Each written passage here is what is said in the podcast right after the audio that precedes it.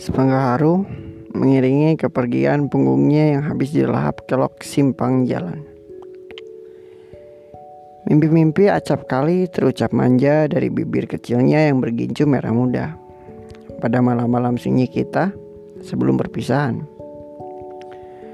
Doa menjelma derap-derap langkah. Harapan sepasang kaki mungil yang hendak menginjak panas legamnya aspal jalanan ibu kota. Perihal sederhana tentang mengejar impian. Katanya,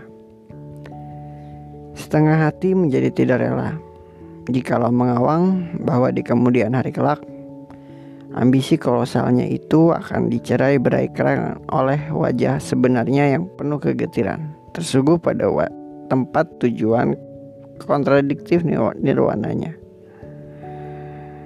Namun kedegilan ialah kedegilan niscaya mustahil untuk disiasati.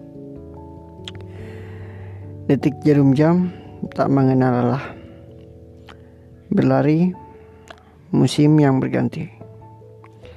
Serta harap yang mulai padam-padam. Saban waktu aku menunggunya. Tepat pada simpang kelokan jalan. Tempat kami berpisah dua tahun lalu. Tidak ada wajah tersenyum yang kembali atau peluk hangat sebuah pertemuan kita. Bahkan Sekedar sepucuk surat perihal kabar tentangnya pun tidak pernah tiba. Mungkin dia hanya lupa jalan pulang setelah pergi jauh. Atau ternyata malah mati mengenaskan.